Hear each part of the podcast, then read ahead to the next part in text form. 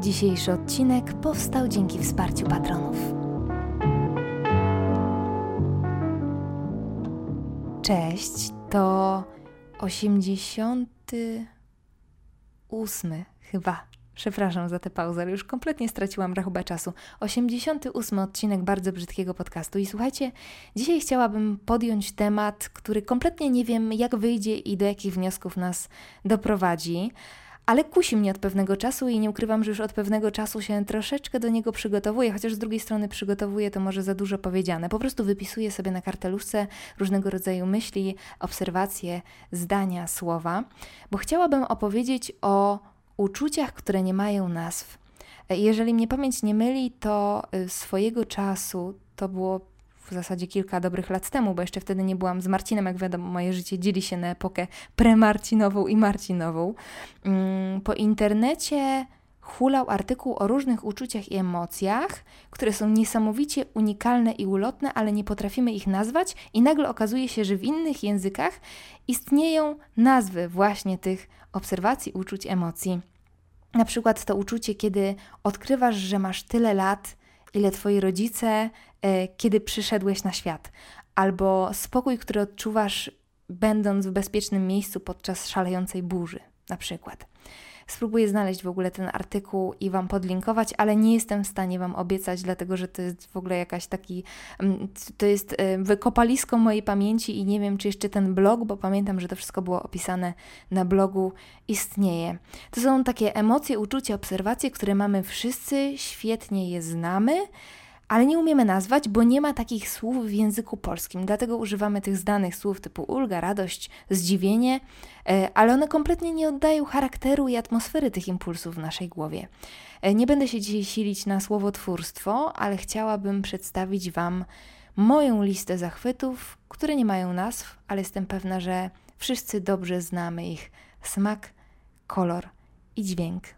To co, gotowi? Mam nadzieję, że to będzie dla Was miły odcinek, więc podbijmy tę przyjemność, usiądźcie sobie wygodnie albo legnijcie sobie w jakimś miłym miejscu, zapaszcie ulubionej herbaty, kawy i zaczynamy.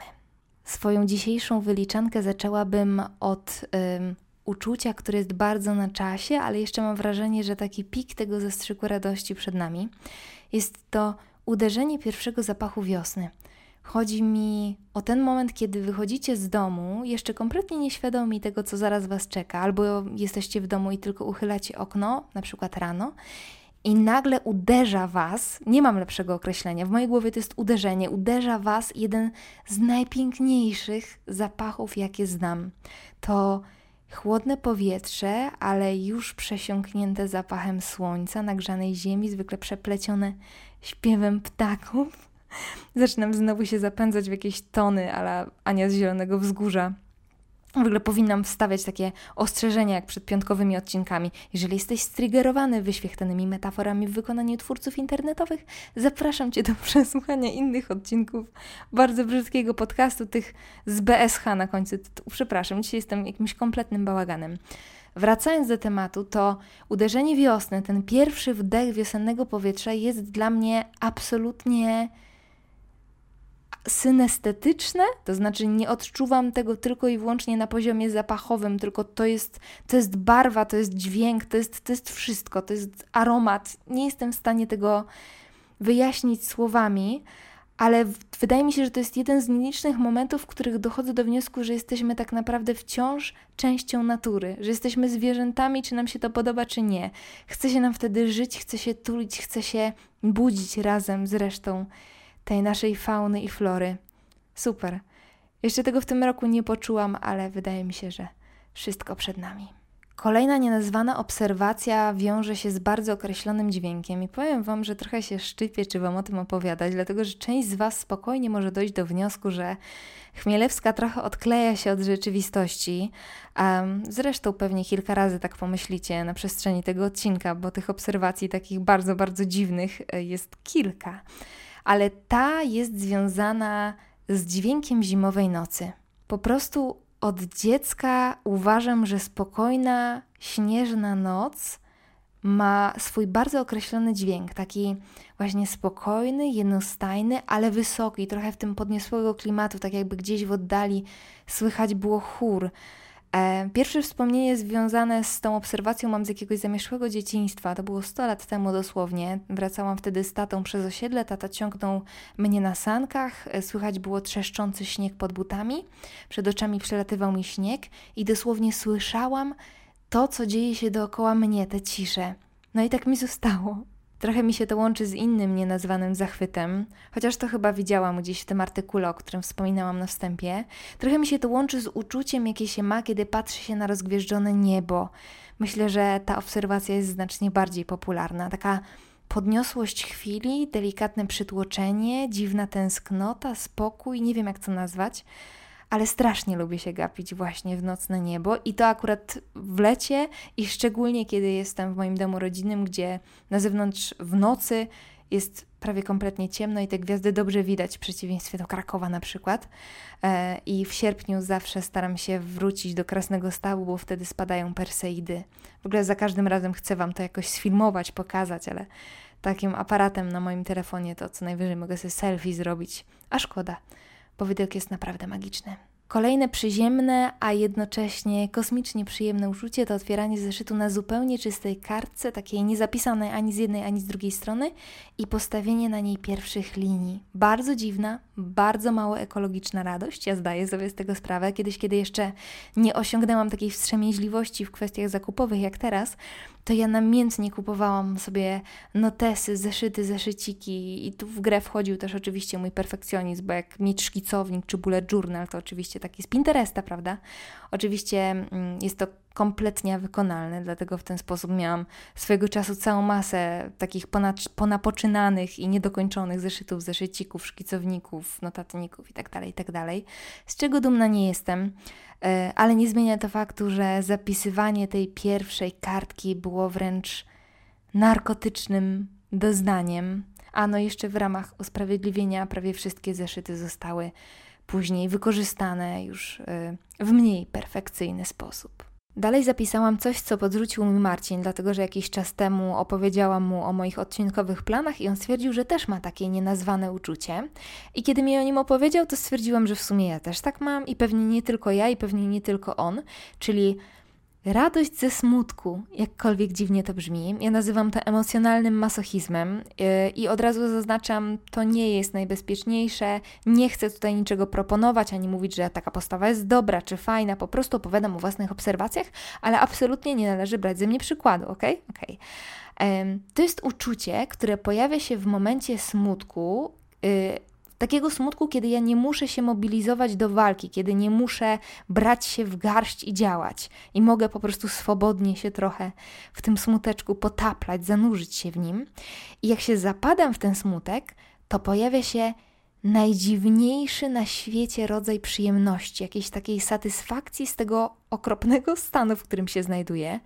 Um, I nie potrafię tej, tego, tego rodzaju przyjemności, radości nazwać od radość ze smutku. Tak chyba najłatwiej to określić, ale znowu zaznaczam ani to dobre, ani to zdrowe. Wrócę jeszcze na chwilę do przedmiotów, które wywołują pewnego rodzaju gamę nienazwanych emocji. E, I to uczucie wiąże się z wyciąganiem z kurtek, których nie chodziło się rok. Wtedy, kiedy przychodzi zima, wyciągamy kurtkę, załóżmy z pudła czy z szafy, i z tej kurtki, z kieszeni tych kurtek wyciągamy bardzo często, przynajmniej ja, bo jestem straszną bałaganiarą, wyciągamy rzeczy, które zostawiliśmy tam kilkanaście miesięcy temu. Różnego rodzaju zapiski, bilety i inne y, drobiazgi związane z takimi bardzo odległymi momentami. Mnie chyba najbardziej cieszą takie suweniry znalezione w kieszeniach ciuchów snowboardowych, y, bo generalnie dni spędzone na stoku są jednymi z lepszych w całym roku w tym momencie to nawet w ciągu kilku lat, bo na stoku byłam chyba ze dwa albo ze trzy lata temu. Wracając, em, w ten sposób, tak grzebiąc sobie w tych spodniach czy kurce snowboardowej, znajduję karnety, które zapomniałam oddać, y, paragony z kropelkami wina grzanego, które zamówiłam na rozgrzewkę, jakieś euro, które sobie schowałam na drobne wydatki, jakieś małe listy zakupów na posiadówki po dniu na stoku. I każdy z tych fantów ciągnie za sobą wspomnienia i obrazy y, tak naprawdę nie wiadomo, czy prawdziwe, czy już trochę podkolorowane przez czas, ale zawsze takie bardzo miłe, bardzo soczyste, mroźne, o bardzo określonych barwach, dźwiękach i zapachach. Uwielbiam takie drobiazgi. Teraz trochę zmienimy klimat, bo to uczucie też jest odrealnione, też nas wysyła w jakieś zakamarki naszej pamięci, ale tym razem nie przez jakiś drobiazg znaleziony w kieszeni, a przez, uwaga, alkohol i późną porę. Czasami jeden, czasem drugi czynnik bierze górę. Wy też uważacie, że spokój w nocnej taksówce do domu z imprezy ma swój urok? Jakiś taki bardzo nieuchwytny, ale też bardzo charakterystyczny klimat? Oczywiście nie mówię o przypadkach, kiedy się człowiek nie trzyma w pionie od takich sytuacji uchowaj nas panie losie, zresztą nie pamiętam kiedy tak ostatnio miałam. Chodzi raczej o moment, kiedy jesteś no, chyba bardziej zmęczony niż pijany, panuje noc. Gdzieś w oddali słyszysz jeszcze śmiech znajomych, w głowie ci dudni ostatni kawałek, do którego chodziła nóżka. E, wsiadasz do taksówki, zamykasz drzwi i nastaje cisza. I to nie jest totalna cisza, bo gdzieś tam w oddali, przy miejscu kierowcy, sączy się muzyka. Najczęściej to jest w ogóle rzecz, z której się bardzo śmiejemy z Marcinem. To się nazywa głośność taksówkowa, bo najczęściej um, to jest bardzo mocno imprezowy kawałek w stylu takiego, wiecie, bumcyk, bumcyk, bumcyk, ale puszczony tak cicho, że naprawdę z dużym trudem jesteś w stanie odgadnąć wykonawcę. I jedziesz tym autem, ta muzyka się sączy, miasto śpi, gdzie niegdzie jakieś niedobitki wracają do domu tak jak ty i panuje taki przedziwny, przedziwny spokój do tego stopnia, że jak jadę taką taksówką właśnie po imprezie sama i mam możliwość zagłębić się we własnej głowie, to nie wiem do końca, czy to się dzieje, czy tylko mi się śni. Mam jeszcze jedno przytłaczająco dziwne i odrealnione uczucie z serii tych nienazwanych, związanych właśnie z nocą. I jest ono związane z patrzeniem na rozświetlone okna bloków. E, czasem, kiedy wracam gdzieś do domu na piechotę, to mój wzrok mimowolnie zatrzymuje się na wnętrzach mieszkań zamkniętych w ramach okien. E, I wiecie, gdzieś e, mignie mi jakiś człowiek szykujący sobie kolację, jakaś para, która właśnie szykuje się do snu, i wtedy mam mam w sobie uczucie do tego stopnia nienazwane, że, hmm, że nawet nie jestem w stanie powiedzieć, czy czuję wtedy radość czy smutek. Um, ale wtedy właśnie dochodzę do wniosku, to są w ogóle jakieś takie filozoficzne rozkminy, zupełnie nieadekwatne do miejsca w głowie, w którym byłam przed chwilą, że wszyscy jesteśmy mróweczkami, że jesteśmy częścią jakiejś całości, że każdy, każdemu z nas tylko się wydaje, że jest głównym bohaterem filmu, że wszyscy jesteśmy w zasadzie tacy sami, chociaż każdemu z nas wydaje się, że jest wyjątkowy. I zaczynam się wtedy dodatkowo zastanawiać, kogo przed chwilą widziałam w oknie, jak wyglądało jego życie, o czym teraz myśli. Pewnie w większości przypadków trafiam jak kulą w płot, y, ale cudownie jednak pisze się takie scenariusze zupełnie obcym osobom. Samo to uczucie jest cudowne i tak jak mówiłam na początku, przytłaczające zarazem dużo w tym magii, bardzo dużo. I takiego zapętlania się we własnej głowie, które osobiście bardzo lubię. Dalej na mojej liście mam zanotowane kliknięcie w głowie w momencie, kiedy wpadasz na świetny pomysł. I e, ja jestem w ogóle pewna, że większość osób, szczególnie tych, które działają sobie kreatywnie, doskonale zna to uczucie i uwielbia je tak samo jak ja. Ja to nazywam kliknięciem, dlatego że wręcz fizycznie czuję, jak coś zaskakuje w mojej głowie. Pamiętacie takie zabawki w dzieciństwie, gdzie miało się kuleczkę, taką metalową małą kuleczkę w takim przeźroczystym czymś, w takiej bryle z plastiku i trzeba było tym czymś tak manewrować, żeby kuleczka wpadła do otworka. Jak wpadała, y, to pojawiało się takie charakterystyczne uczucie satysfakcji w głowie. Wydaje mi się, że to jest to samo albo bardzo blisko. Tak jak już wspominałam, uwielbiam je ogromnie, y, to to kliknięcie właśnie, chociaż często wymaga sporo wysiłku kreatywnego, zwłaszcza jeżeli działa się na czas. Czasem znowu po prostu pojawia się na przykład na spacerze albo w jakichś innych okolicznościach przyrody, kiedy kompletnie się go nie spodziewasz. Tak jest to najwygodniej, ale nie zawsze jest taka możliwość, żeby sobie spokojnie poczekać na ten klik Później oczywiście życie weryfikuje, czy e, pomysł był faktycznie dobry, bo czasem te kliki są tylko na chwilę, no ale to zawsze cieszy. O kolejnym nienazwanym zachwycie opowiadałam już na Insta Stories jakoś tak zaraz po świętach, wydaje mi się. I jest to melancholia. Nie wiem, czy to jest najlepsze słowo, ale odcinek jest o nienazwanych zachwytach, więc adekwatnie do tematu nie jestem przekonana co do doboru tego słowa. Jest to, może tak, jest to uczucie, które ogarnia cię podczas pakowania bombek. Jest bardzo charakterystyczne i przynależy tylko i wyłącznie do tej czynności, przynajmniej w mojej głowie. Um, I wydawało mi się do czasu, kiedy nie puściłam tego w eter i nie przyznałam Wam się, że tak, takie, takie coś przeżywam właśnie podczas pakowania bombek, że tylko ja tak mam, a okazuje się, że, że nie, że wiele osób e, ma dokładnie tak samo.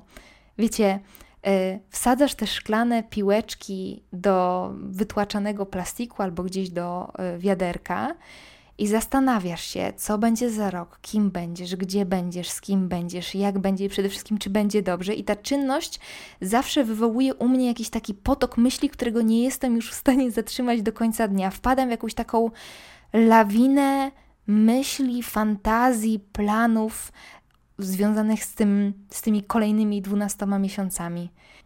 I wiecie, strasznie cieszy mnie to, że wytrenowałam, bo wydaje mi się, że też wymagało to ode mnie takiego świadomego wysiłku przez długi czas. Wytrenowałam moją podświadomość na tyle, że y, galopuję tylko w te jasne rejony. Jak sobie myślę o tym przyszłym roku, to czuję, że będzie tylko lepiej i niech tak się stanie. Dalej mam zapisaną obserwację nieco bardziej przyziemną, nieco bardziej prozaiczną i jest to Pierwszy prysznic we własnej łazience po czasie spędzonym w podróży. E, chodzi mi o ten moment, kiedy jesteś kilka dni albo tygodni poza domem, nawet w miejscu, w którym na luzie możesz się wykąpać, jest czysto, fajnie, miło i nawet jeżeli mam do dyspozycji super hotel, to i tak nic nie jest w stanie mierzyć się z moją własną łazienką, z własnym prysznicem czy wanną. I nie wiem, może to dzieje się tylko i wyłącznie w mojej głowie, może tylko ja tak mam, może jest to gdzieś bardzo głęboko, ale to musiałaby być bardzo głęboko zakorzeniona dermofobia, dlatego że nigdy u siebie czegoś takiego e, nawet nie podejrzewałam.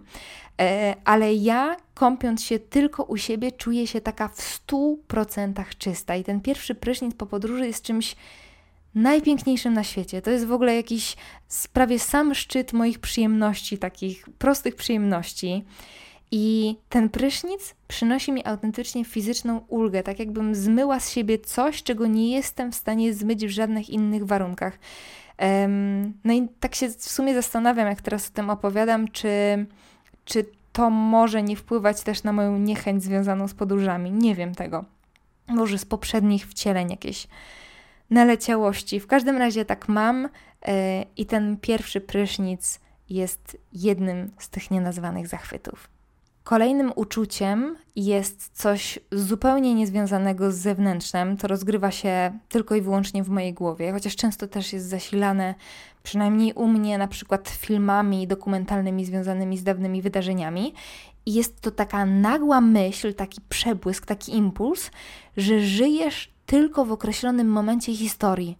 To jest oczywistość w zasadzie, ale w momencie, kiedy pojawia się ta myśl w mojej głowie jest taka bardzo silna, to zawsze wiąże się z jakimś takim szokiem, z jakimś takim zaskoczeniem. Uderza w chwilach na przykład, kiedy patrzysz na młode osoby na czarno-białych filmach, których obecnie już nie ma, bo do Twojego życia zdążyły się pięknie zestarzeć i odejść. Żadnych tragicznych wydarzeń, żadnych wypadków, po prostu czas.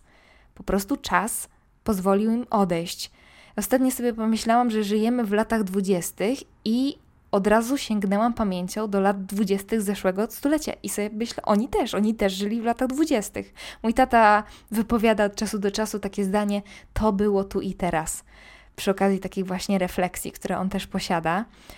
I no właśnie, to było tu i teraz. I za kolejne 100 lat ktoś pomyśli to samo. I tak dalej, i tak dalej, i tak dalej. Przedziwne. Teraz znowu odrobinkę ściągnę Was na ziemię. Skaczę po tych punktach, dlatego że mm, zbierałam je na przestrzeni czasu i jak to bywa w moim przypadku, zapomniałam je uszeregować, tak żeby wszystko leciało w miarę zgrabnie, żeby była jakaś gradacja tych emocji. Więc teraz z powrotem wracamy na ziemię, bo chciałabym opowiedzieć Wam o uczuciu satysfakcji, ale znowu to nie jest po prostu satysfakcja, to jest, to jest to należy do satysfakcji, ale wciąż jest jednym z tych nienazwanych zachwytów. Jest to uczucie niesamowicie uzależniające, które niesamowicie uwielbiam, ale które jednak, żeby do niego dotrzeć, wymaga odrobiny wysiłku. Jest to Radość w momencie, kiedy uda ci się zrobić coś, co wydawało ci się wcześniej nie do przeskoczenia. Czasem jest to szereg jakichś drobnych zadań, których nawarstwiło się tyle, że nie jesteś w stanie tak przez to przebrnąć. Innym razem to jest jakieś jedno bydle, przez które trzeba przeskoczyć. No i ja w takich momentach, ja w ogóle mam tak, że kiedy staję przed wyzwaniem, niestety wciąż tak mam, to jest rzecz, nad którą muszę pracować, zdaję sobie z tego sprawę, ale w pierwszym momencie, kiedy staję przed czymś, co ewidentnie mnie przerasta, to nie myślę sobie, do boju działamy, tylko nie dam rady. Po prostu tak mam. Um, I kiedy już przydusi mnie czas, bo na przykład jest deadline, albo znajdę w sobie wystarczająco dużo energii, to wtedy wpadam w trans, zaczynam pracować, zaczynam sobie z tym radzić i nastaje ten moment, kiedy sobie myślę: O, koniec, dałam radę, i pojawia się właśnie to niesamowite, nienazwane uczucie takiej satysfakcji, radości, a jednocześnie zaskoczenia, że, że dało się radę i, i zastanawiasz się, jak. To jest trochę jak moment, kiedy wybudzasz się z takiego super realnego snu i nagle odkrywasz, że to jednak nie była prawda, że, że to że to wcale się nie działo, że to wcale ciebie nie dotyczy. I im większe wyzwanie, tym bardziej ten moment jest odrealniony i, i piękniejszy, i tym większe jest moje zaskoczenie, że dałam radę. No a później przychodzi ulga, i to zaskoczenie z ulgą łączy się w jedno, i właśnie dlatego zaliczam to uczucie do moich nienazwanych zachwytów. No a później dochodzi się czasami do wniosku, że można było coś zrobić szybciej i lepiej i, i, i fajniej i że wcale to przecież nie było takie straszne, więc można było to opchnąć w tydzień, a nie w cztery miesiące. No ale to jest temat na zupełnie inny odcinek. Kolejną obserwację zaliczyłabym bardziej do grona mindfucków niż zachwytów. E, I być może wynika z mojej dysleksji, która mnie męczy od kiedy pamiętam ale zdarza mi się od czasu do czasu, że widzę albo zapisuję, albo wypowiadam wyraz, słowo, które wydaje mi się kompletnie niepoprawne pomimo swojej poprawności. Macie tak czasem? Yy, zwykle to jest odmiana jakiegoś wyrazu. Nagle coś przestaje mi pasować. Nagle coś, co jest zupełnie zwyczajne, używane przeze mnie kilka razy dziennie najprawdopodobniej, staje się jakieś takie dziwne, pokraczne, jak z innego języka i do takiego, który, z którym nigdy nie miałam do czynienia. I to jest y, złudzenie, które, jest, które powoduje niesamowicie nieprzyjemne uczucie w głowie. Jakbym kompletnie przestała sobie na chwilę ufać, jakby, jakby rzeczywistość robiła sobie ze mnie jaja, jakbym, nie wiem, odkryła jakiś błąd w symulacji. Przedziwne. I wtedy osiągam taki poziom frustracji. Oczywiście to się wszystko dzieje tylko i wyłącznie w mojej głowie, że mam ochotę się po prostu śmiać z bezsilności. Widzisz coś, co przestaje pasować ci do twojej rzeczywistości. I zastanawiam się teraz, jak o tym opowiadam, czy tak przypadkiem nie wyglądają początki Alzheimera. To jest bardzo ciekawe. Kiedy zaczyna ci się wydawać, że coś nie gra, że jakiś element rzeczywistości przestaje pasować. Ciekawe i niepokojące. Chyba bardziej niepokojące. I na koniec nienazwane uczucie, które wydaje mi się, że znamy wszyscy, albo przynajmniej większość z nas, i wiąże się ono z końcem super książki, albo serialu, albo gry komputerowej, która szczególnie przypadła nam do gustu. Też macie tak, że czujecie wtedy najdziwniejszą na świecie odmianę tęsknoty. To nie jest niedosyt, to nie jest zawód, to nie jest y, jakaś odmiana głębokiej rozpaczy, tylko właśnie tęsknota. I to taka przedziwna, taka taka jakby się tęskniło za kimś, kogo nigdy tak naprawdę nie miało się możliwości do końca poznać. Nie wiem nawet jak to nazwać. Ostatni raz miałam tak z Bojackiem Horsemanem, e, bo wiedziałam, że już nie będzie kontynuacji tego serialu, że te postaci, z którymi się przez te kilka sezonów związałam, właśnie przestały być częścią mojego świata, mojej głowy. To jest, kurczę, to jest takie uczucie, nawet nie wiem do czego to porównać za bardzo. Może do takiej tęsknoty, która, którą się odczuwa, kiedy kończy się jakiś etap w życiu. Na przykład kończymy liceum i wiemy, że z niektórymi z osób już się nigdy nie zobaczymy, albo jesteśmy na jakimś grupowym wyjeździe, typu cofnijmy się trochę w czasie, na przykład kolonie. I wyjeżdżasz ze świadomością, że tych ludzi już nie zobaczysz, a przynajmniej nie w takim zestawieniu i nie wszystkich. Jakiś taki brak, jakaś taka pustka. Y, no to tak samo według mnie jest z książkami, serialami, i wydaje mi się, że nie tylko ja tak mam. Przypomniało mi się teraz, jak Marcin kończył Red Dead Redemption i uronił łzę, pomimo tego, że przecież nie był w żaden sposób emocjonalnie związany z postaciami w grze. A jednak pojawiło się u niego to poczucie pustki. Może właśnie to jest lepsze słowo, może poczucie pustki jest lepszym słowem, ale też nie do końca. W ogóle mam wrażenie, że większość tych, tych, tych nienazwanych zachwytów to jest nasza wspólna rzecz i, i z jednej strony trochę szkoda, że nie ma w języku polskim takich słów, które mogłyby dokładnie opisać to, co czujemy, a z drugiej to dobrze w sumie, bo mam paliwo, żeby nagrać dzisiejszy odcinek. Od taka leciutka, niezobowiązująca podróż do wnętrza mojej głowy. Mam nadzieję, że Wam się podobało, a ja tymczasem uciekam i mam nadzieję, że usłyszymy się już niebawem w nieco bardziej mrocznych okolicznościach przyrody. Tymczasem do usłyszenia. Całuję. Cześć.